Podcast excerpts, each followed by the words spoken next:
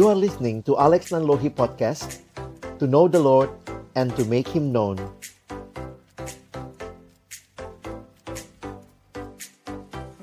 Mari berdoa sebelum kita membaca merenungkan firman-Nya. Kami datang dalam ucapan syukur pagi ini ya Tuhan, terima kasih banyak. Kesempatan seperti ini Tuhan berikan bagi kami kembali datang memuji, memuliakan namamu, dan juga belajar akan kebenaran firman-Mu. Dan kiranya di dalam sesi pengutusan ini Tuhan sendiri yang berkenan menyapa kami melalui firman-Mu. Berkati hambamu yang menyampaikan semua kami yang mendengar, juga interaksi di antara kami. Kiranya makin menolong kami bukan hanya jadi pendengar-pendengar firman yang setia, tapi mampukan dengan kuasa pertolongan dari rohmu yang kudus, kami dimampukan menjadi pelaku-pelaku firman-Mu di dalam hidup kami, di dalam masa muda kami, di dalam kesempatan pelayanan yang Tuhan berikan kepada kami. Bersabdalah ya Tuhan, kami anak-anakmu sedia mendengarnya dalam satu nama yang kudus, nama yang berkuasa, nama Tuhan kami Yesus Kristus. Kami menyerahkan pemberitaan firman-Mu. Amin. Shalom, selamat pagi teman-teman semua. Bersyukur buat kesempatan kita boleh sama-sama ada di sesi ini. Dan hari ini kita akan bicara tema yang diberikan kepada kita adalah kesatuan dan kedewasaan. Saya coba share satu PowerPoint yang saya siapkan bagi kita pagi ini. Dan ini adalah tema yang uh, menarik untuk sama-sama kita pikirkan ya. Saya coba sedikit berbeda mengambil angle-nya dari apa yang saya coba siapkan. Saya nanti ajak teman-teman untuk melihat di dalam kitab Filipi ya. Kita akan belajar dalam Filipi pasal yang kedua. Recording in progress. Filipi pasal yang kedua, kita akan melihat ayat yang pertama sampai dengan ayat yang ke-11. Oke? Saya sudah siapkan uh, slide-nya, kita akan melihatnya bersama. Uh, Abang akan bacakan buat kita. Jadi karena dalam Kristus ada nasihat, ada penghiburan kasih, ada persekutuan roh, ada kasih mesra dan belas kasihan, karena itu, sempurnakanlah sukacitaku dengan ini. Hendaklah kamu sehati sepikir dalam satu kasih, satu jiwa, satu tujuan, dengan tidak mencari kepentingan sendiri atau puji-pujian yang sia-sia. Sebaliknya, hendaklah dengan rendah hati yang seorang menganggap yang lain lebih utama daripada dirinya sendiri. Kita lanjut ayat berikutnya sebentar. Oke. Dan janganlah tiap-tiap orang hanya memperhatikan kepentingannya sendiri, tetapi kepentingan orang lain juga. Hendaklah kamu dalam hidupmu bersama menaruh pikiran dan perasaan yang terdapat juga dalam Kristus Yesus, yang walaupun dalam rupa Allah tidak menganggap kesetaraan dengan Allah itu sebagai milik yang harus dipertahankan, melainkan telah mengosongkan dirinya sendiri dan mengambil rupa seorang hamba dan menjadi sama dengan manusia. Dan dalam keadaannya sebagai manusia ia telah merendahkan dirinya dan taat sampai mati dan taat sampai mati bahkan sampai mati di kayu salib. Itulah sebabnya Allah sangat meninggikan dia dan mengaruniakan kepadanya nama di atas segala nama supaya dalam nama Yesus bertekuk lutut segala yang ada di langit dan yang ada di bu di atas bumi dan yang ada di bawah bumi dan segala lidah mengaku Yesus Kristus adalah Tuhan bagi kemuliaan Allah Bapa. Teman-teman yang dikasihi dalam Tuhan Yesus Kristus, surat Paulus kepada jemaat Filipi sebenarnya berbeda dengan surat yang lain karena nadanya lebih personal, ya. Karena jemaat Filipi adalah jemaat yang mendukung pelayanan Paulus, sehingga kalau kita perhatikan surat ini sebagai respon, ya, ketika Paulus mengucapkan terima kasih atas dukungan mereka bagi pelayanan Paulus. Tetapi sebagaimana biasanya di dalam surat-suratnya ada perhatian yang khusus yang Paulus berikan, khususnya di tengah-tengah kondisi yang dialami jemaat. Nah, karena itu kalau kita perhatikan, selain adalah ucapan terima kasih, tetapi juga di dalamnya ada sedikit latar belakang yang bisa kita perhatikan. Nampaknya ada perpecahan dalam jemaat. Nah, kalau teman-teman membaca Filipi pasal 4 ayat yang kedua, ada dua nama perempuan yang muncul. Nampaknya ini bukan cuma perempuan biasa, ini dua pemimpin wanita, pemimpin perempuan yang nampaknya punya perselisihan. Nah, karena itu Paulus uh, mengatakan ya, Eudia kunasehati, Sintika kunasehati supaya sehati sepikir di dalam Tuhan. Bahkan di ayat yang ketiga dia berkata uh, kepada Sun Sugos, tolonglah mereka, ya. Nah, jadi kalau teman-teman perhatikan, nampaknya memang ada perpecahan di dalam jemaat. Jadi kalau kita hari ini bicara kesatuan, kedewasaan, ya ini surat yang bisa kita coba refleksikan ya apa sih yang sebenarnya menjadi perhatian di tengah-tengah jemaat yang juga mengalami perpecahan. Lalu nampaknya ada juga orang-orang yang hidupnya tidak berpadanan dengan Injil. Karena itu Paulus menghimbau mereka, hendaklah hidupmu berpadanan dengan Injil.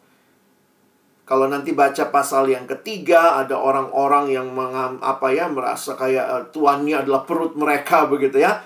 Mereka orang-orang yang tidak mengikuti apa yang harusnya menjadi ciri dari orang yang hidup di dalam Kristus, hidup dalam berita Injil. Jadi ada panggilan untuk hidup berpadanan dengan Injil. Nah, di sisi yang lain, ada hal yang menarik. Nah, ya, kalau kita bicara kesatuan, maka Paulus bicara sebenarnya kesatuan roh. Ya. Sebuah keyakinan ketika kita ada dalam Kristus, maka kita telah menikmati persekutuan dalam atau karena Roh Kudus. The fellowship of the Spirit. Ya. Jadi kalau kita kombinasikan sebenarnya menarik untuk memperhatikan surat ini di dalamnya ada beberapa konteks yang terjadi sehingga Paulus memberikan jawaban atau himbauan ya kalau saya secara sederhana mencoba memahami juga memang masalah utamanya kesatuan tetapi juga teman-teman nanti kalau pelajari pasal 3 nampaknya juga ada sedikit masalah pengajaran ya ada guru-guru palsu yang menyesatkan mereka sehingga kalau kita perhatikan Paulus dalam pasal yang ketiga menuliskan bahwa keselamatan itu sungguh-sungguh karena anugerah. Bukan seperti pandangan guru-guru palsu yang mengatakan keselamatan itu karena perbuatan baik. Makanya Paulus berkata yang dulu aku anggap berharga. Sekarang aku I consider it uh, sampah ya bahwa pengenalan akan Kristus lebih utama daripada segalanya. Nah, kenapa perlu memahami latar belakang kitab Filipi? Karena saya pikir ketika kita nanti membaca nasihat-nasihatnya, ini bukan lahir dari hanya sekadar situasi yang diharapkan. Tetapi ada sebuah kondisi yang terjadi, karena itulah Paulus mengingatkan mereka kepada apa yang Kristus telah lakukan. Nah, jadi menarik teman-teman buat kita yang akan melayani Tuhan, teman-teman yang akan menjadi pengurus di PO MIPA Farmasi, kalian akan dipanggil dalam sebuah pelayanan mengerjakan apa yang indah, tetapi mari pelihara kesatuan itu, ya. kita lihat sebentar bagian yang pertama, ya. Jadi saya mau ajak kita memperhatikan bagaimana masalah kesatuan ini dijawab oleh Paulus, dinasehati oleh Paulus untuk mereka mengupayakannya. Di dalam ayat yang pertama tadi kalau kita lihat ya, Paulus berkata, "Jadi karena dalam Kristus ada nasihat, ada penghiburan kasih, ada persekutuan roh, ada kasih mesra dan belas kasihan." Perhatikan. Karena itu, saya bold karena itu ya. Sebenarnya ayat pertama ini, kalau teman-teman perhatikan, ini seperti modal. Jadi kayak Paulus bilang gini, Hey, kamu itu dalam Kristus sudah ada nasihat, ada penghiburan kasih, ada persekutuan roh, ada kasih mesra, ada belas kasihan. Karena kamu punya semuanya itu, harusnya sih nggak sulit untuk bersatu. Kira-kira begitu poinnya. Ya. Karena kamu sudah punya punya nasihat, jadi saling menasehati, saling menghibur, ada persekutuan yang dikerjakan bukan dengan kesatuan yang superficial. Oh, sama-sama anak MIPA, farmasi. Oh, ya udah kita satu PO. Tapi kesatuan yang dibentuk oleh persekutuan karena setiap kita yang percaya ada Roh Kudus diam di hati kita, kita disatukan. ada kasih mesra, ada belas kasihan, karena itu, karena kamu sudah punya semuanya itu, yuk bersatu. Paulus menggunakan istilah karena itu sempurnakanlah sukacitaku dengan ini. Apa sih sukacita Paulus ketika melihat jemaat bersatu? Hendaklah kamu sehati sepikir dalam satu kasih, satu jiwa, satu tujuan. Jadi teman-teman, kalau kita belajar merenungkan ya, sebenarnya kesatuan itu adalah kehendak Allah. Allah yang menghendakinya bagi manusia, bagi umatnya, dan kesatuan itu bisa muncul di dalam keyakinan akan kesatuan pikiran, ya, kasih, ada satu kehendak, ada satu tujuan. Nah, jadi ini adalah sesuatu yang Tuhan sudah berikan. Kita sudah dikasih modalnya. Jadi kalau kamu bilang, wah hari ini kita bicara kesatuan, wah kita ini sulit banget bersatu. Jangan lupa, buat kita yang sudah percaya, roh kudus diam di dalam kita, maka Tuhan sudah kasih modalnya. Karena itu, kita harus mengupayakan kesatuan itu. Nah, Bagian selanjutnya, Paulus mencoba mengajak kita melihat hal-hal apa yang sebenarnya menjadi ancaman terhadap kesatuan. Apa sih yang membuat orang sulit bersatu? Nah, kita lihat ayat 3 dan ayat yang keempat. Dengan tidak mencari kepentingan sendiri atau puji-pujian yang sia-sia. Nah, ini sikap yang seharusnya saya garis bawahi Sebaliknya hendaklah dengan rendah hati yang seorang menganggap yang lain lebih utama daripada dirinya sendiri. Dan janganlah tiap-tiap orang hanya memperhatikan kepentingannya sendiri, tetapi kepentingan orang lain juga. Nah, betul modalnya sudah dikasih. Kita harus memperjuangkannya. Nah, kita pun harus waspada. Waspada karena realitanya natur kita yang sudah jatuh dalam dosa, manusia lama kita kadang-kadang masih menggerogoti kerohanian kita. Karena itu Paulus mengingatkan, kalau hidup baru adalah hidup yang fokus kepada Allah, maka hidup lama adalah hidup yang fokus kepada diri. Karena itu perhatikan, semua ciri-ciri ini adalah menunjukkan fokus yang sangat kuat sama diri. Cari puji-pujian, cari kepentingan sendiri, menganggap diri paling utama. Nah, inilah perpecahan bisa terjadi karena tiga hal ini. Pertama, selfish ambition. Ambisi pribadi. Mencari kepentingan sendiri atau puji-pujian yang sia-sia. Karena itu teman-teman waspada dengan realita ini, ya bahwa kamu dan saya yang dulunya manusia lama, fokusnya sama diri, maka bisa jadi dalam kepengurusan pun, nah ini kita coba refleksikan buat kita para pengurus ya. Wah, kita udah punya modalnya teman-teman. Udah dikasih sama Tuhan, roh kudus sudah hadir dalam hidup kita. Tapi kita mesti waspada, jangan sampai ada ambisi pribadi, kepentingan, mau cari puji-pujian. Nah, kalau itu yang terjadi, mungkin kita akan mengalami ketidaksatuan. Yang kedua, ya ini yang dikatakan tadi, merasa diri lebih penting daripada orang lain. Misalnya, ini kalau dalam contoh kepengurusannya, seksi acara menganggap diri lebih penting dari seksi yang lain. Ya kenapa? Karena dia lebih tampil, lebih banyak kerjaannya, ngurusin tiap minggu. Karena wah persekutuan ini jalan karena kami. Seksi acara. Nah kalau itu yang terjadi, hati-hati. Jadi teman-teman dan saya kita dipanggil untuk bersatu.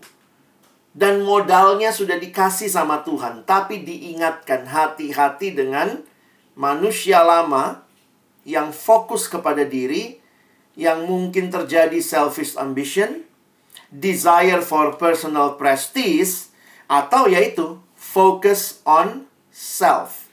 Yang penting kerjaan seksiku selesai. Yang penting kerjaan bidangku selesai. Sudah, bodoh amat yang lain. Padahal, lebih khusus lagi, teman-teman dipanggil masuk ke dalam satu kepengurusan di mana seharusnya satu sama lain bisa saling memperhatikan. Itu yang dikasih tahu sama kita di ayat 4. Dan janganlah tiap-tiap orang hanya memperhatikan kepentingannya sendiri, tetapi kepentingan orang lain juga. Jadi kalau lihat ayat ini, teman-teman kita seharusnya Pertama dan terutama memikirkan kepentingan Kristus, kepentingan sesama, bukan semata-mata kepentingan diri sendiri.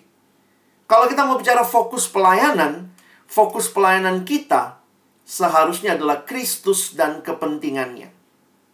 Nah, ini bisa menjadi klise banget ya. Tetapi realitanya ini sulit. Kenapa? Kita sangat egois manusia lama yang masih terus sedang dibaharui. Seringkali masih muncul keinginan-keinginan merasa diri penting. Sehingga abang juga bisa lihat ya, kadang-kadang orang membungkusnya dengan pelayanan ya. Misalnya ada yang pernah bilang gini, waktu dia sharing ya, tiba-tiba waktu dia sharing, iya nih kalau nggak ada saya, kira-kira bahasa kasarnya gitu ya. Kalau dia nggak ada, nggak jalan persekutuan ini. Wih, Padahal dalam bahasa yang lain, dia sedang mau mengatakan akulah yang paling berjasa untuk persekutuan ini. Nah, kalau ada orang-orang yang berpikir seperti itu, atau ada orang-orang yang sangat fokus sama dirinya, jadi lupa tanggung jawabnya, saya juga melihat ya, kadang-kadang uh, kita harus bersiasat dengan baik ya. Betul, teman-teman sibuk kuliah, tetapi kalau Tuhan juga memanggil kamu dalam pelayanan ini, maka tentunya kamu harus bisa membalance hidupmu. Kamu harus bisa memilih dan memilah. Dan waktu memilih dan memilah, nah di situlah kalian juga akan bisa dengan hikmat Tuhan, pilih apa yang baik sesuai kapasitasmu. Saya kasih contoh lah ya, mungkin uh, pengalaman abang nggak apple to apple dengan kalian, tapi ketika saya fokus pelayanan, waktu itu saya uh, mahasiswa baru lalu kemudian saya diajak ikut jadi tim buletin lalu kemudian tahun depannya ditawarin jadi pengurus waktu itu jadi seksi acara nah waktu itu saya juga mulai mikir gitu saya ditawarin seksi acara saya mulai jadi PKK karena saya sudah dilayani di siswa jadi waktu saya masuk kampus hanya dibina sekitar satu tahun langsung dipercayakan pelayanan jadi saya jadi pengurus saya jadi PKK. Nah, gimana tuh? Nah, waktu itu saya juga ikut uh, ini ya, ikut para gita di kampus. saya ikut para gita, saya suka nyanyi. Nah, dan waktu itu dalam kapasitas, saya nggak bilang semua pengalaman kita harus sama ya. Ya, karena waktu itu saya tinggal di Depok, para gita latihan di Salemba, dan itu yang waktu latihan kami itu hari Minggu pagi, saya ingat gitu ya. Minggu pagi, itu bisa sampai so, uh, minggu sore gitu ya, minggu siang dan kadang-kadang saya pulang ke Depok begitu ya. Nah, ya pertama sebagai anak kos dan uh, ya saya nggak punya ongkos gitu ya, nggak punya ongkos untuk commute terus gitu tiap minggu. Uh, dan kemudian sisi yang lain mulai banyak rapat dari pengurus, mulai banyak fokus juga. Nah, waktu saya gumulkan, ya saya akhirnya memilih karena saya sadar saya nggak bisa semuanya. Nah, teman-teman, saya nggak tahu pilihan-pilihan apa yang teman-teman akan ambil demi fokus pelayanan. Demi memprioritaskan Kristus dan jemaatnya. Mungkin si anak buat kalian yang sekarang ya, yang semuanya online begitu ya. Mungkin fokus yang harus kamu utamakan ketika harus melayani ya mungkin mengurangi main game mengurangi nonton drakor ya. Jadi kadang-kadang memang kita harus bisa melihat bahwa kalau kita fokus sama diri kita, Kadang-kadang kita kan banyak excuse-nya ya. Udahlah, ini me time. Wah, lalu me time-nya jadi dua minggu me time gitu ya. Pelayanan ditinggalin. Itu mah bukan me time. Banyak orang yang begitu ya. Skripsi susah dikit, pelayanan yang ditinggal gitu ya. Kenapa? Alasannya ya, jadi memang bayangkan kalau dalam satu tim, lalu ada yang tiba-tiba mundur ya. Jangan pikir ghosting itu cuma ada di drakor ya. Ada di ini. Kadang-kadang ada orang pelayanan ghosting juga dia. Toto hilang gitu nggak ada kabar. Lalu biasalah anak sekarang ya, uh, please jangan kontak gue dulu sampai gue ngontak kalian. Wes gitu ya. Nah, bukan apa ya, saya kadang-kadang melihat kalau kita melihat kesatuan itu penting, maka ingat, bukan cuma engkau yang dipanggil melayani, tapi kamu punya tim. Dan tim itu dipanggil dalam kesatuan. Nah, kesatuan itu kan harus punya sebenarnya daya juang yang sama begitu ya, punya perjuangan yang yang ayo kita perjuangin sama-sama begitu. Bayangkan kalau tiba-tiba satu mundur, satu seksi atau bidang dari empat tinggal tiga. Tiba-tiba yang satu juga, ah kalau dia bisa mundur, kenapa gue nggak mundur? Mundur juga gitu. Wah tinggal dua begitu. Kadang-kadang akhirnya yang yang dikorbankan itu adalah jemaat. Ya, saya melihat beberapa PMK, persekutuan mahasiswa, akhirnya mungkin maaf kata ya karena masa masih masa online lumayan sibuk akhirnya tidak berjalan dengan baik. Kontak pembicara bisa sehari sebelumnya buat besok begitu ya. Lain kalau dia udah ngontak banyak yang nggak bisa ini benar-benar baru kepikir lalu besoknya gitu ngundang. Saya pikir apa sih yang sedang diperjuangkan ya? Hati-hati kalau kesatuan kita ternyata adalah kesatuan yang uh, di dalamnya kita sedang memperjuangkan egoisme kita sehingga pelayanan menjadi hanya kedok saja ya. Jadi satu sisi uh, ada yang sangat membanggakan dirinya bisa jadi sombong atau juga satu sisi ada yang juga melalaikan tanggung jawabnya. Jadi self pity.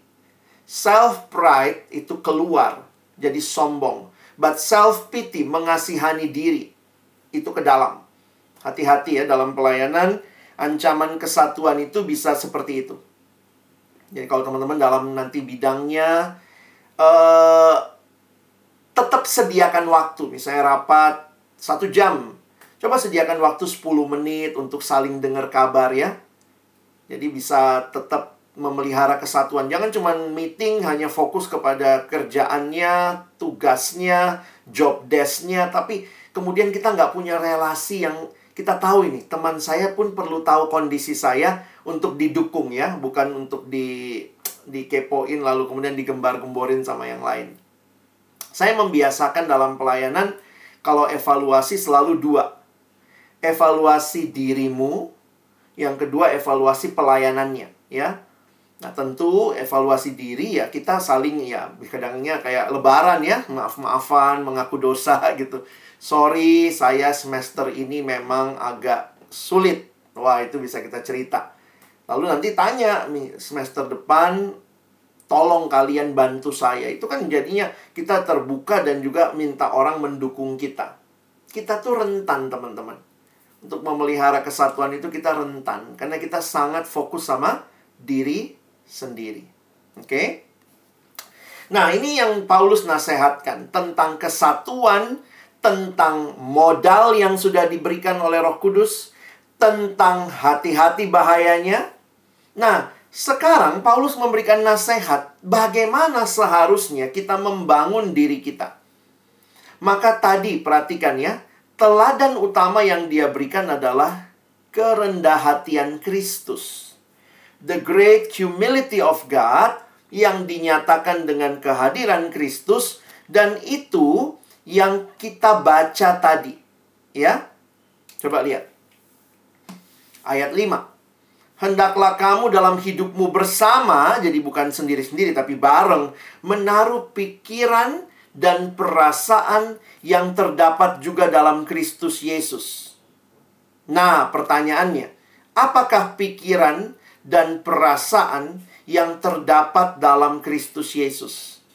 Secara pribadi waktu menafsirkan ayat ini saya balik ke ayat 4. Coba Abang balik ke ayat 4 tadi ya. Nah, Oh sorry, ayat yang ketiga nih. Lihat yang saya garis bawahi. Tetapi sebaliknya hendaklah dengan rendah hati. Lalu nanti di ayat 5, ayat 5 tadi dikatakan, Nah, hendaklah kamu dalam hidupmu bersama menaruh pikiran dan perasaan yang terdapat juga dalam Kristus Yesus. Nah, teman-teman ini menarik kalau kita perhatikan. Biasanya gini deh.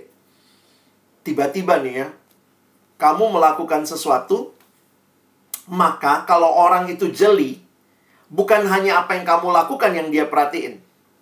Tetapi kira-kira di balik apa yang kamu lakukan, apa pikiran dan perasaan yang kamu miliki. Saya kasih contoh ya. Ini ada orang tiba-tiba semangat banget gitu ya. Wah, makannya semangat. Tiba-tiba jadi kuliahnya semangat. Nah, kalau orang jeli akan memperhatikan. Kira-kira dia mikirnya apa sih? Kira-kira perasaannya tuh kenapa ya? Sampai dia keluarnya seperti itu. Jadi pikiran dan perasaan ini menggambarkan apa yang terdalam. Nah, perhatikan Paulus memanggil jemaat, hendaklah kamu dalam hidupmu bersama menaruh pikiran dan perasaan yang terdapat juga dalam Kristus Yesus. Orang bisa kelihatan rendah hati, tapi sebenarnya itu sombong. Wah, itu gimana? Itu yang namanya rendah hati papan loncat. Jadi dia rendah hati, rendah-rendah-rendah untuk naik, tuing, tinggi banget. Nah, Paulus bukan cuma bilang, ayo rendah hati gitu ya. Tapi Paulus mengingatkan, mari miliki pikiran dan perasaan yang terdapat juga dalam Kristus Yesus. Dan apakah pikiran dan perasaan yang terdapat dalam Kristus Yesus? Waktu lihat apa yang dia lakukan. Itulah yang Paulus bicarakan dalam nas yang indah tentang kristologi ini. Mulai dari ayat 5 ya. Bahwa Kristus yang adalah Allah jadi manusia. Dan bukan cuma jadi manusia. Dia mengambil tempat yang paling rendah. Makanya saya menuliskan dalam bahasa Inggris ada satu buku yang saya kutip dikatakan humble mindedness ya kerendahan hati ya atau pikiran yang yang merendahkan diri is not something to be achieved by the Philippians on the basis of their own unaided efforts. Menarik kalau kalian perhatikan ya dari caranya Paulus mengatakan Paulus tidak mengatakan mereka harus meraih itu. Kenapa? It is something to be received from Christ, partaken of in Christ, and renewed by Christ. Sederhananya begini. Kerendahan hati itu bukanlah pencapaian yang harus kita lakukan, tetapi sebagai orang percaya itu sesuatu yang kita terima karena kita ada di dalam Kristus. Dan kalau Kristusnya rendah hati, maka kita yang mengikut dia harusnya pikiran, perasaan kita seperti Kristus. Makanya dikatakan it is an ongoing gift. Ini adalah sebuah pemberian karunia yang terus-menerus. Ini bukan sesuatu yang kita pegang, misalnya ini possession, saya punya sesuatu. Ini adalah setiap hari engkau dan saya terus diingatkan untuk mengalami kerendahan hati. Kenapa ini penting, teman-teman? Karena ingat, bukan kita. Kalau bicara kekristenan, kita nggak bicara anu, kita nggak bicara achievement kita.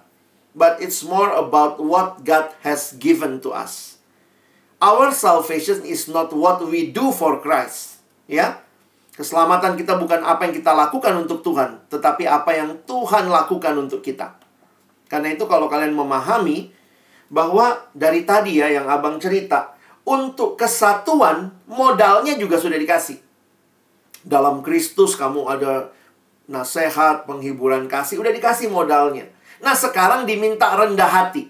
Rendah hati pun itu bukan sesuatu yang kita harus capai sebagai pencapaian, tetapi sebagai sebuah realita yang kita bisa alami karena kita ada di dalam Kristus. Kristusnya rendah hati, nah kitanya juga rendah hati gitu ya. Nah, memang menarik kalau kalian perhatikan dalam bahasa Inggris. Kalau Indonesia kan pakai kata pikiran dan perasaan. Nah, di dalam bahasa aslinya, bahasa Yunani sebenarnya itu cuma satu kata. Memang kayaknya eh, terjemahan-terjemahan Alkitab berusaha menangkap dua-duanya. Bukan cuma pikiran, tapi juga perasaan.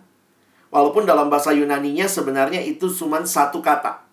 Ya, makanya kalau lihat beberapa terjemahan ya. Coba kita lihat ya. Nah, ini beberapa terjemahan dalam bahasa Inggris ada yang menggunakan istilah attitude. Holman Bible itu pakai attitude. Kalau ESV, English Standard Version, menggunakan kata mind. Ya. Memang kalau bicara mind, kesannya cuma pikiran doang ya. Tapi juga perasaan. Makanya ada yang pakai attitude. NLT, New Living Translation, menggunakan kata attitude. New American Standard Bible, NASB, menggunakan kata attitude. nah, the message yang lebih uh, lebih menafsirkan dia bikin think of yourself the way of Christ Jesus thought of himself. lebih kepada think ya. Lalu Nah, ini menarik nih. NIV menggunakan mindset. In your relationship with one another. Jadi kalau perhatikan menarik ya. Teladan kerendahan hati Kristus.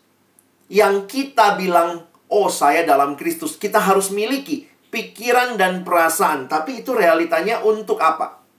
Nah, NIV kalimatnya lebih clear. In your relationship with one another, Not using your own mind, your own attitude, but you need to have the same mindset as Jesus Christ. Ya. Jadi makanya kalau saya melihatnya seharusnya ya saya pakai kata yang lain lagi, karakter lah. Karena dalam karakter itu ter termasuk pikiran, perasaan. Nah, teman-teman, kesatuan itu penting harus kita usahakan. Modalnya sudah dikasih. Hati-hati dengan bahaya-bahaya yang mengancam kesatuan tadi. Nah, ayat-ayat ini sedang bicara teladan Kristus yang merupakan upaya yang penting untuk kita memelihara kesatuan. Apa yang perlu engkau kembangkan? Perlu saya kembangkan kerendahan hati. Dan kalau kita lihat, kita harus makin mirip Kristus. Itu namanya apa? Itu namanya kedewasaan. Semakin serupa dengan Yesus Kristus. Bisa lihat sekarang kaitannya? Makin kamu dewasa, berarti kamu makin mirip Yesus. Makin rendah hati, itu kunci kesatuan.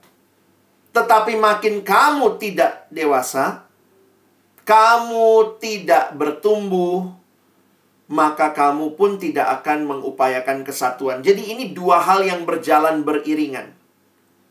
Makin dewasa, makin bertumbuh. Dan makin bertumbuh, oh sorry, makin uh, kesatuan, kesatuan menghasilkan kedewasaan.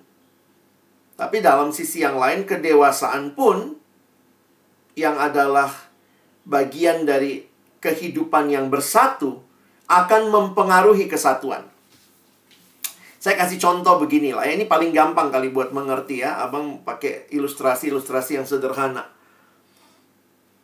Pernah lihat anak kecil? Kita semua pasti pernah lihat ya, pernah jadi anak kecil. Kalau ada anak kecil itu biasanya sangat egois. Makanya kalau anak kecil pegang es krim ya, atau coklat eh ini punya aku eh ini punya aku eh. Kasih tahu sama sebelah sebelah ini punya aku ya bahkan di sini cuy cuy cuy oh ini punya aku. Ah itu anak kecil tuh. Makin dia tidak dewasa makin susah bersatu. Kenapa? Semua punya aku. Bahkan punya orang itu juga punya aku. Nah itulah anak kecil. Anak kecil sulit bersatu karena dia nggak dewasa. Tapi makin dia dewasa makin dia bisa berpikir waktu dia lihat ada orang ih dia butuh es krim Nah, ini nih ambil punyaku. Nah, jadi sebenarnya kedewasaan kesatuan itu interaktif ya. makin dewasa, makin bersatu. Makin bersatu, makin lebih mudah untuk semakin dewasa. Nah, jadi lihat ya. Uh, bagian ini, abang rindukan kalian alami. Kita mau dong kepengurusan yang solid, yang saling membangun, saling ini. Tapi kalian mesti dewasa. Kalau teman-teman gak makin mirip Yesus, hanya seneng di awal gitu ya, karena ini lagi masa-masa Reagan begitu ya. Wah, akhirnya saya melihat gini loh teman-teman. Pelayanan itu bukan semata-mata apa yang kita lakukan. Tetapi pelayanan itu bicara siapa kita di hadapan Tuhan. Apakah kita makin bertumbuh? Makanya kalau abang bikin evaluasi pengurus, dulu waktu saya jadi ketua di FISIP, saya selalu ingatkan ya, evaluasi pengurus dua. Pertama, ya programmu. Yang kedua, setelah kamu kerjain ini, kamu makin dewasa nggak? Makin serupa Kristus nggak? Terus ada yang cerita, iya ya, aku waktu bikin buletin, waduh ya, masih buletin ya aku waktu bikin buletin gitu ya terus kemudian udah tugas sampai malam dulu kan kami nggak punya laptop ya nggak punya komputer jadi kita mesti ke rental ketik sampai pagi paginya di fotokopi eh dibagiin sama jemaat di PJ eh jam-jam 2 gitu ya. PJ kan selesai jam 1 jam 2 kita lagi jalan ke kantin. Eh ngelihat ngelihat apa teman-teman? Buletin kita di tempat sampah dong. Ada yang taruh di tempat sampah gitu ya. Sedih banget gitu ya. Yang kita udah perjuangkan sebagai pengurus. Jadi kayak merasa nggak dihargai. Terus kemudian ada yang bilang, iya, saya makin ngerti ketika Yesus datang dan gak dihargai. Wes, berarti ya kamu makin dewasa tuh ya. Kamu makin bisa melihat, iya ya. Dalam situasi yang itu terus kemudian saya katakan, kalau gitu kamu mau berhenti bikin buletin nggak? Enggak. Tetap bikin. Karena mungkin yang buang cuma satu ya, tapi yang lain baca gitu ya. Jadi akhirnya nggak discourage, tapi akhirnya makin bertumbuh, makin dewasa, makin punya sikap yang yang bisa semakin serupa dengan Kristus. Karena pengalaman-pengalaman itu Tuhan izinkan kita makin serupa dengan Kristus. Makanya lihat kalimat ini ya. Being a servant of Christ is more about being than it is about doing. Bukan hanya beingnya, kalau beingnya teman-teman itu gampang ya. Kamu bayar aja orang, nggak usah Kristen, bayarin aja dia. Bikin buletin, bayarin aja dia. Kontak pembicara, bayarin aja dia. Suruh suruh buka Zoom, itu mah semua juga bisa. Tetapi it's more about our being.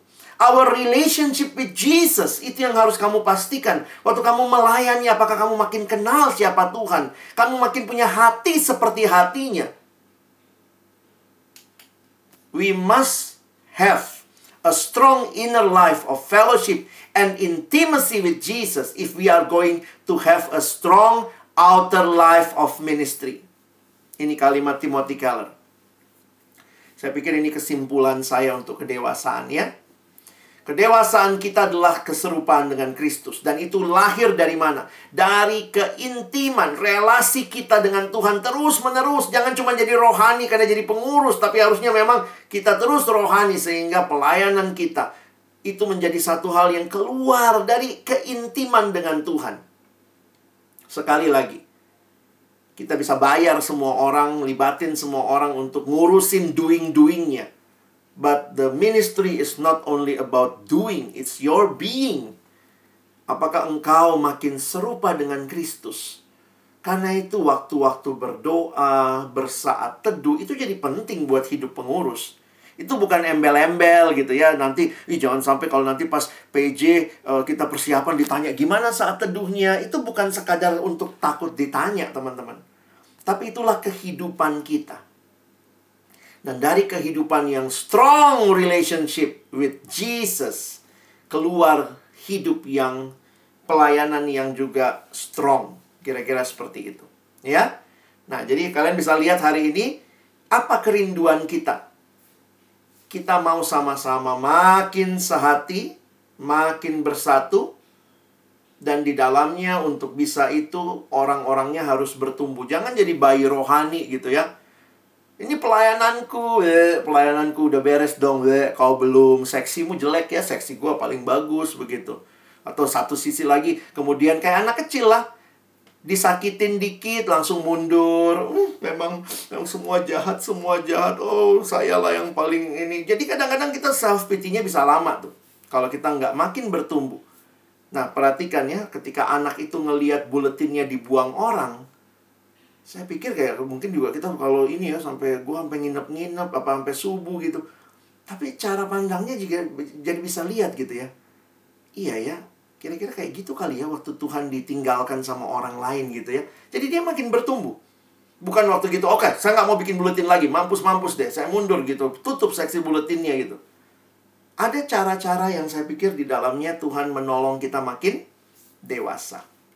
Nah, bayangkan kalau punya kedewasaan, menolong kesatuan, kesatuan memastikan makin dewasa. Wow, kita lihat teladan Yesus ya. Nah, karena itu saya mau sedikit aja kita lihat. Ini refleksi saja ya, teladan Kristus dalam melayani. Apa saja sih yang yang menjadi ciri yang digambarkan di kitab Filipi ini? Nanti kita bisa evaluasi ya. Kira-kira uh, ini kalau evaluasi kedewasaan kan kita perlu e-, evaluasi. Apakah saya makin mirip Yesus nggak waktu melayani? Kalau kesatuan tadi evaluasinya kan gampang. Saya makin fokus diri nggak? saya makin uh, sombong nggak? Nah, itu kan bahaya-bahaya kesatuan. Nah, tapi kalau kita makin seperti Kristus, makin bertumbuh, makin rendah hati, nah evaluasinya apa? Coba lihat ya. Misalnya, Yesus itu giving up his rights for others. Nah, itu tuh menarik ya.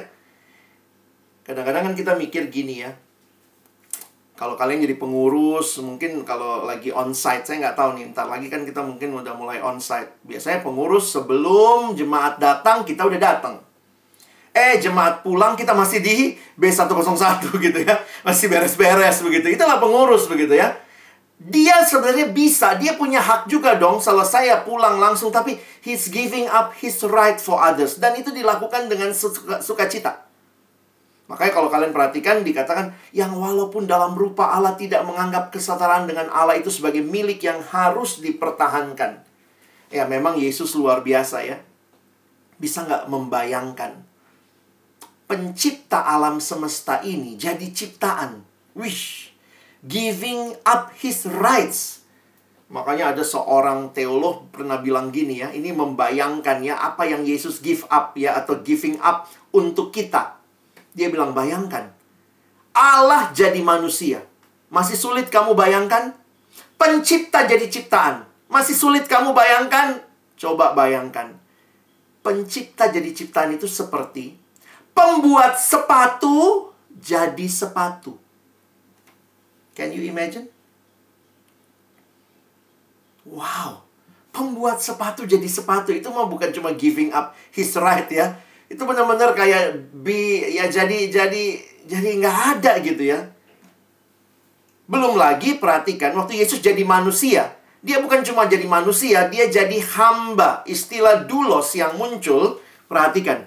He's becoming less so others can become more saya menantang teman-teman yang mau jadi pengurus mungkin kamu akan kehabisan waktu untuk dirimu sendiri Mungkin kamu akan giving up many of your time, many of your hobby.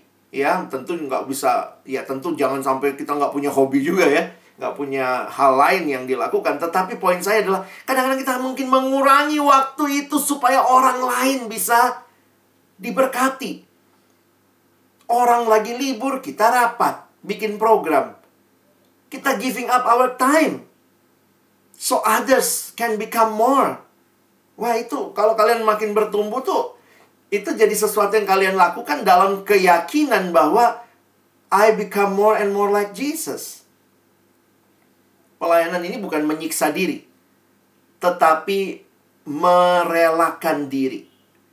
Karena saya tahu apa yang saya kerjakan, saya pun sudah terima sebelumnya dari Kristus melalui orang-orang yang dia bangkitkan. Teman-teman waktu saya menghayati itu ya sebagai PKK waktu itu ya, waktu uh, pergumulan jadi PKK, itu saya jadi ingat gitu ya. Memang kan jadi pengurus, jadi PKK itu kan kita makin menyerahkan waktu kita buat orang kan. Maka saya bilang sama teman-teman, kalau kamu jadi PKK, berapa AK kamu? Tujuh bang, berarti kamu tambah tujuh pokok doa ya.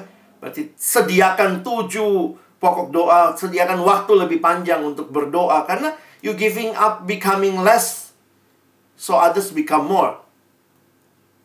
Tapi itulah prinsip pelayanan kan. Yesus bilang kalau benih gandum itu tidak jatuh dan mati, nggak akan berbuah, nggak akan bertumbuh dia. Jadi kadang saya mikir gitu ya. Untuk memperkaya seorang Alex, siapa yang Tuhan pakai? Tuhan pakai PKK saya. Ya, namanya Bang Olan. Tuhan pakai Olan memperkaya Alex. Berarti ada yang makin less buat si Olan, Bang Olan ada yang makin more buat saya. Terus Tuhan bangkitkan PKK-nya siapa? PKK-nya Bang Olan, siapa lagi PKK-nya gitu ya. Untuk waktu dia becoming less, Olan become more. Waktu Olan become less, Alex become more. Kadang-kadang teman-teman itulah ya prinsip dalam pelayanan gitu ya. Siapa yang akan memberi diri, memberi waktu buat mereka?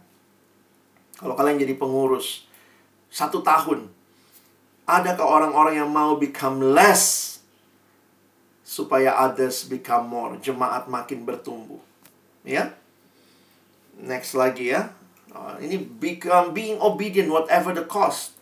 Kalimatnya taat sampai mati. Nah, ini berarti ya kalau kita bicara di pelayanan giving the best gitu ya. Yesus giving apa yang the best? Nyawa loh. Kalau ditanya apa sih yang paling penting di hidup, ya nyawa lah paling penting ya. Mana kan kalau orang ditodong tuh suka nanya apa? Harta atau nyawa? Mana yang lebih penting, harta atau nyawa? Saya sampai sekarang bingung tuh kalau ada benar-benar ada yang nodong gitu ya. Harta atau nyawa? E, boleh nggak kita diskusi dulu? Maksudmu apa? Kalau saya jawab harta, kok ngambil nyawa gitu ya? Coba kalau kamu tanya harta atau nyawa? Intinya kalau dia nodong tuh maunya duit lah ya. Tapi Poinnya kenapa pertanyaannya harta atau nyawa? Mana lebih penting? Harta atau nyawa? Ngapain punya harta tapi nggak punya nyawa? tapi ngapain punya nyawa nggak banyak harta? itu kan kita kan nggak mau begitu juga ya. Jadi kadang-kadang waktu abang pikir ya, iya benar-benar teman-teman harta atau nyawa tuh menunjukkan bahwa eksistensi yang paling dasar bagi hidup seseorang adalah nyawa. Tapi Yesus bilang gini, untuk apa seorang memperoleh seluruh dunia ini tapi dia kehilangan nyawanya. Makanya Tuhan panggil kita. Setiap orang yang mau mengikut aku ya harus menyangkal dirinya, memikul salibnya, dan mengikut aku. Ini berarti penyerahan diri total. Menyerahkan diri sepenuhnya kepada Kristus. Dan apa tujuannya? Ah, ini menarik ya. Not seeking man's applause. Ini yang tadi abang bilang ya, bukan rendah hati papan loncat. Ada orang tuh ya, rajin banget ya apalagi kalau lagi banyak orang dia rajin kelihatan sibuk sana sini pokoknya begitu ya. Kenapa? Karena dia nunggu nunggu nih nanti gue dipuji ya pas evaluasi wah nunggu waktu eval gitu ya. Tadi thank you banget loh si ini ya kamu luar biasa tadi. Wah dalam hati uh puji diri puji terus puji terus haleluya begitu ya gampang loh kita gampang sekali curi kemuliaan perhatikan apa yang dituliskan di sini Yesus merendahkan diri bukan mencari pujian manusia, tapi justru karena itu, siapa yang memuji Dia? Yang melihat, yaitu Allah. Itulah sebabnya Allah sangat meninggikan Dia. Perhatikan baik-baik, kerendahan hati Yesus bukan demi dirinya, tapi demi kita umat manusia. Itu yang abang bilang tadi ya, ada orang merendahkan diri demi dirinya. Contohnya gini ya, Misalnya ya, dia diminta jadi MC. Kadang-kadang kan sok-sok rendah hati. Kamu MC ya, aduh aku nggak bisa, aduh jangan aku deh, jangan aku dalam hati pada paksa terus, paksa terus, paksa terus. Akhirnya, ayo kamu deh, coba deh, eh, paksa terus. Oh, oh iya deh, oke deh, saya mau. Wes, padahal dia, nah itu kan pura-pura rendah hati di awal, kemudian dia jadi MC. Pas dia jadi MC tuh bagus gitu ya, emang karena Tuhan kasih talenta mungkin sama dia. Lalu apa yang dia tunggu? Eval kan?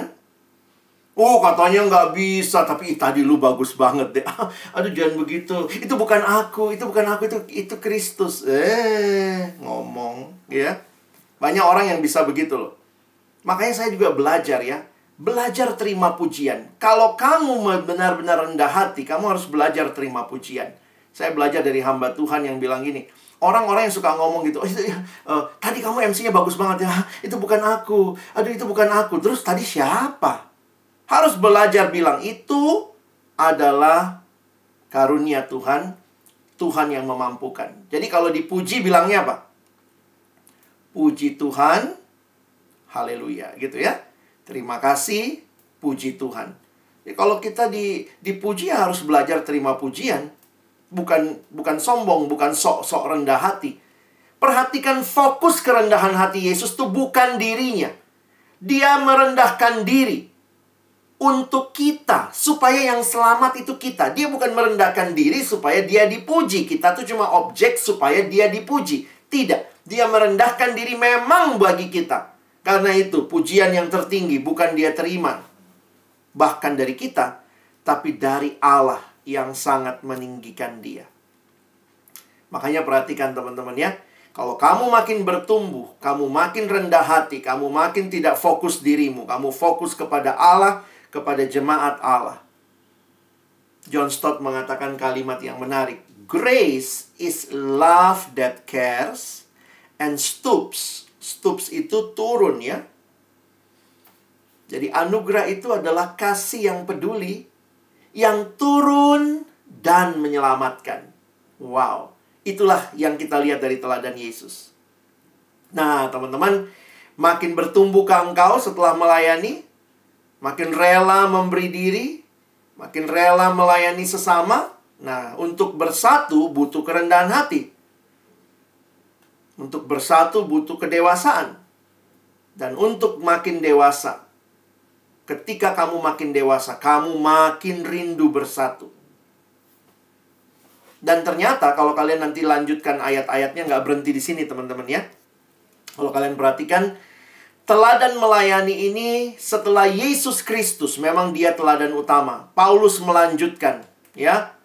Setelah belajar dari teladan Kristus, Filipi 2 ayat 5 sampai 11, maka kalau kalian baca Filipi 2 ayat 19 sampai 30, Paulus melanjutkan teladan, teladan dirinya, teladan Timotius, teladan Epafroditus. Apakah teladan dari semua tokoh ini? Teladan Kristus, Paulus, Timotius, Epafroditus, kalau kalian baca sampai bawah, teladannya sama. Kerendahan hati. Ketika Timotius, Paulus katakan, dia betul-betul memperhatikan kepentinganmu. Ketika Epafroditus yang sampai hampir mati karena melayani Paulus atau dia sakit ya ketika dia melayani Paulus, dia memperhatikan kepentingan Paulus. Jadi kalau kalian baca rekomendasinya ya, dan Paulus sendiri berkata, "Untuk kamu aku rela menderita."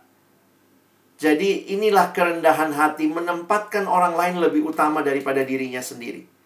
Ada kerelaan berkorban.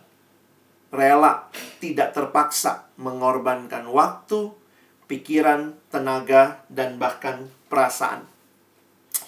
Selamat memasuki pelayanan, teman-teman yang visinya besar banget ya, visi pelayanan mahasiswa, visi PMK, menghasilkan alumni yang adalah murid Kristus yang dapat menjadi berkat bagi keluarga, gereja, masyarakat, bangsa, negara, bahkan dunia. Tapi bagaimana mencapai ini? Bagaimana di kampus kita, di MIPA Farmasi, akan terlihat murid-murid yang seperti ini. Perlu ada PO, yang di dalamnya diurus oleh orang-orang yang jadi pengurus yang benar-benar memperjuangkan kesatuan dan juga terus bertumbuh dalam kedewasaan. Dalam kesatuan tercapai kedewasaan, dengan kedewasaan kesatuan terwujud dan terjaga. Itu juga yang kita baca di dalam Efesus 4 ayat 13 sampai 16 kalian bisa baca secara pribadi karena itu kerinduan abang, visi yang besar ini, kiranya dikerjakan oleh orang-orang yang betul-betul menghidupi kesatuan, menghidupi kedewasaan. Karena itu pertanyaannya, bagaimana dengan saudara? Siapkah engkau melayani generasi ini dan siap terus bertumbuh, dewasa, dan bersatu? Amin. Saya beri waktu kalau teman-teman ada yang ingin bertanya, ingin menyampaikan mungkin hal-hal yang kalian pikirkan, silakan ya. Oh, boleh. Ya, jadi nanyanya uh, kira-kira sepenting apa sih, Bang? Uh, kesa uh, jadi um, kesatuan pengurus untuk dilihat dari juga jemaat ya ya jadi kayak kesatuan pengurus ini tuh kalau misalnya untuk dilihat dari jemaat uh, mempengaruhi itu mempengaruhi nggak sih bang kayak kondisi dari jemaat itu sendiri gitu seberapa besar impactnya gitu untuk jemaat kesatuan dari pengurus itu bang? Um, saya mudah-mudahan saya nangkap jelas ya pertanyaannya. Tapi kalau ditanya ada impact saya yakin ada ya. Um, memang dalam kepengurusan kita banyak dinilai dari apa yang kita kerjakan.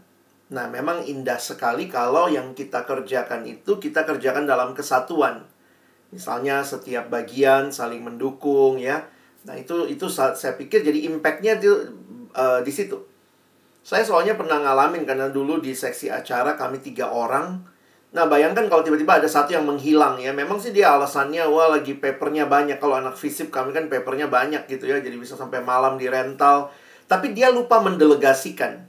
Nah jadi bayangkan ya ketika dia misalnya tidak setia dengan tugas dia. Sementara dia harusnya misalnya mengontak pembicara untuk janjian besok kan. Kami dulu masih model begitu ya. nggak ada HP ya. Jadi mesti ngontak nanti janjian di stasiun kereta begitu jam berapa. Jadi kadang-kadang tiba-tiba dia dia aduh gue lupa ngontak gitu ya. Nah jadi kalau kayak begitu ya kami harus ada yang lari ke stasiun kereta lah nunggu dan nggak tahu jamnya jam berapa gitu. Karena dia yang lupa janjian kan belum ada HP-HPan waktu itu. Nah jadi kalau ditanya ada dampaknya nggak? Ya waktu kamu tidak bersatu kamu tidak kompak ya pasti mungkin kinerja pelayanannya juga jadi jelek begitu ya. Mungkin akan terjadi begitu tapi di sisi lain, kalau kalian perhatikan, menarik sekali waktu Yesus berdoa di Yohanes 17. Yesus berdoa supaya mereka menjadi satu. Nah, kalimatnya menarik sesudah itu. Ya Bapak, aku berdoa supaya mereka menjadi satu supaya dunia tahu. Nah, jadi kadang-kadang kalau saya pikir begini ya, ketika kita bersatu saja, maka dunia tanda kutip akan tahu, dunia akan melihat. Nah, kalau pengurusnya kompak, saling membangun, saling mengisi, tidak saling tidak saling merendahkan, tidak saling melemahkan, pasti jemaat juga akan merasa walaupun mungkin mereka hanya mengamati dari luar, ya. Jadi memang saya tetap meyakini kinerja jadi kalau kita tidak bersatu, kita tidak dewasa, kinerjanya jadi jelek. Yang rugi tuh, yang sedih tuh jemaat jadi nggak terlayani dengan baik. Tetapi juga yang dua, yang Yesus bilang ya, bahwa kesaksian kita waktu kita bersatu. Makanya menarik ya di UI ini ya kita bersyukur ya. Bayangkan kalau gereja masuk UI. Gereja dalam arti semua denominasi. Bayangkan tuh bingung juga kan? Ada yang bilang, e, udah kalau gereja masuk kampus, maka misalnya ada persekutuan mahasiswa HKBP, persekutuan mahasiswa GPIB, persekutuan mahasiswa GBI.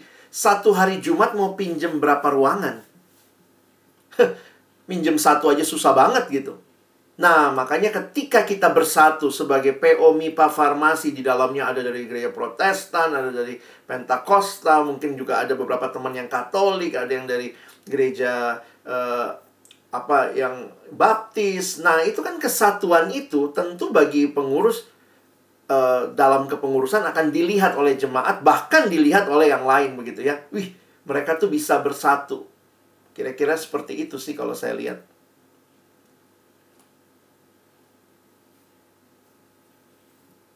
Oke bang makasih mungkin kok penanya mm -hmm. uh, uh, oh ya udah jelas bang Oke. Okay. Thank you.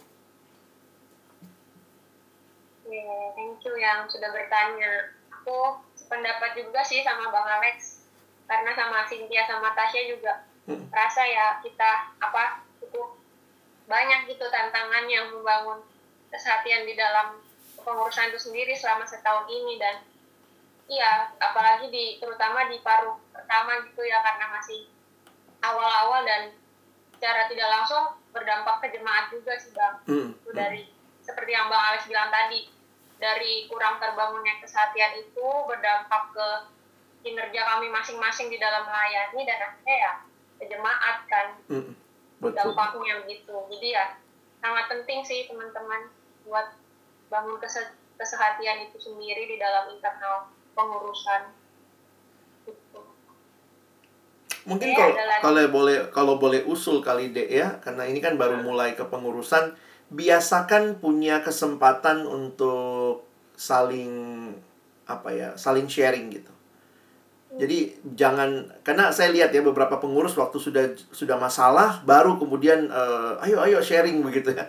Jadi kan kalau kayak ada masalah lalu kemudian kita mulai sharing tuh jadi kayak lu sharing karena gue bermasalah ya.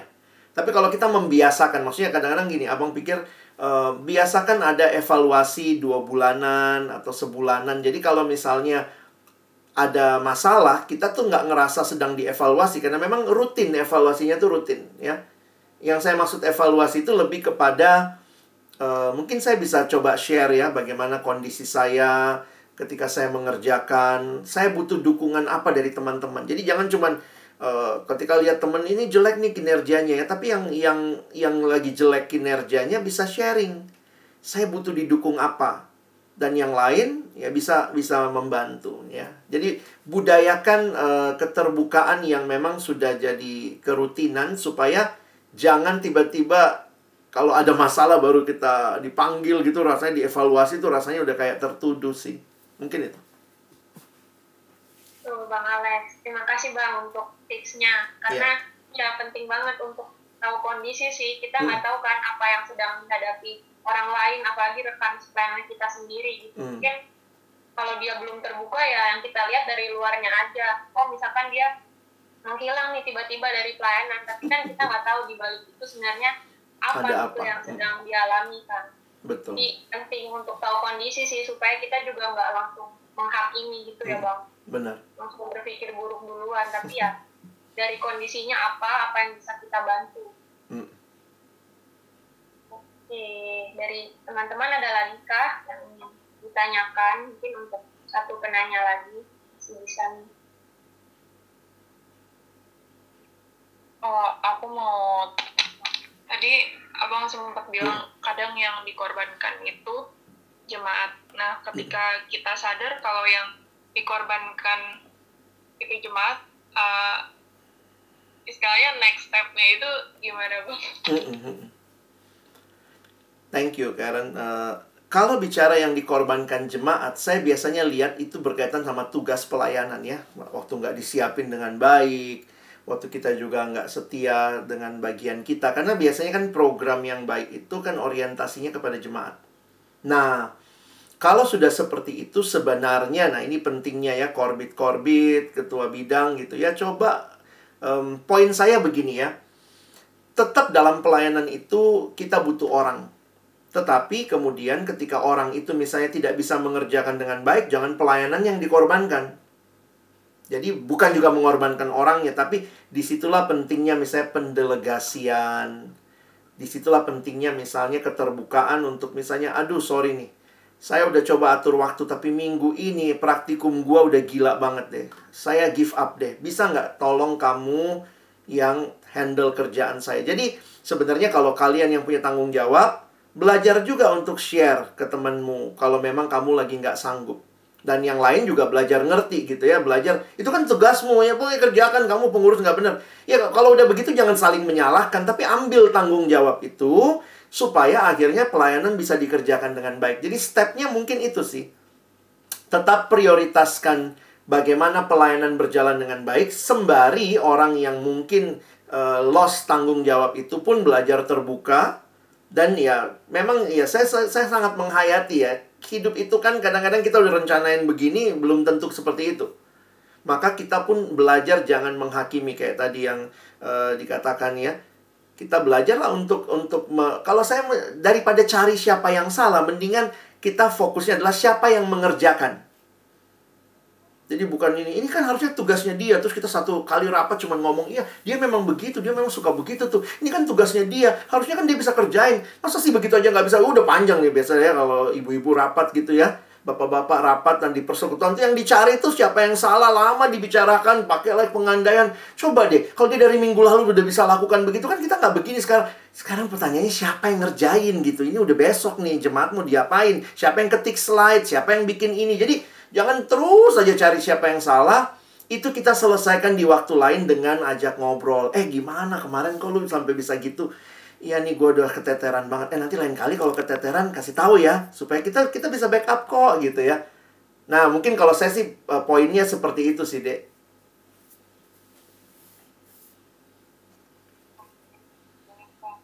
Sama-sama. Thank you Karen. Iya benar. Untuk saling backup membackupnya itu sih jangan sampai salah Hmm. fokus ya teman-teman malah jadinya fokusnya nyalahin kondisi atau keadaan. Tapi balik lagi ya apa yang bisa kita kerjain sekarang ya lakuin yang terbaik gitu dari yang bisa kita lakukan. Oke mungkin untuk sesi tanya jawabnya kita cukupkan sampai di sini dulu. Tapi nanti kalau teman-teman masih ada yang ingin ditanyakan atau ad- ada yang ingin didiskusikan, bisa titip pertanyaan ke aku atau Kak Cynthia dan Kak Tasya ya teman-teman. Eh, untuk mungkin untuk sesi firman Tuhan, Bang Alex boleh menutup di dalam doa dulu. Baik, mari kita berdoa. Tuhan terima kasih karena hari ini kami diperhadapkan dengan realita hidup yang harus terus memperjuangkan kesatuan dan juga kedewasaan. Dan terima kasih karena Tuhan yang memampukan kami. Tuhan yang memberikan modal kepada kami. Tuhan yang memberikan rohmu diam di dalam kami. Sehingga kami bisa bertumbuh dan kami bisa semakin serupa dengan Kristus. Dan kiranya kesatuan, kedewasaan yang terjadi di pengurus PO MIPA Farmasi ke depan akan menjadi hal yang indah membangun kerajaan Allah di PO MIPA Farmasi, banyak jemaat yang dilayani dengan baik karena pengurus-pengurusnya terus bersatu dan bertumbuh. Dan kami sungguh bersyukur jadikan kami murid-murid Tuhan yang semakin hari semakin hidup serupa dengan Kristus. Menyerahkan waktu ke depan, Tuhan yang memberkati seluruh kegiatan kami sepanjang hari ini. Kami bersyukur dalam nama Yesus kami sudah berdoa. Amin.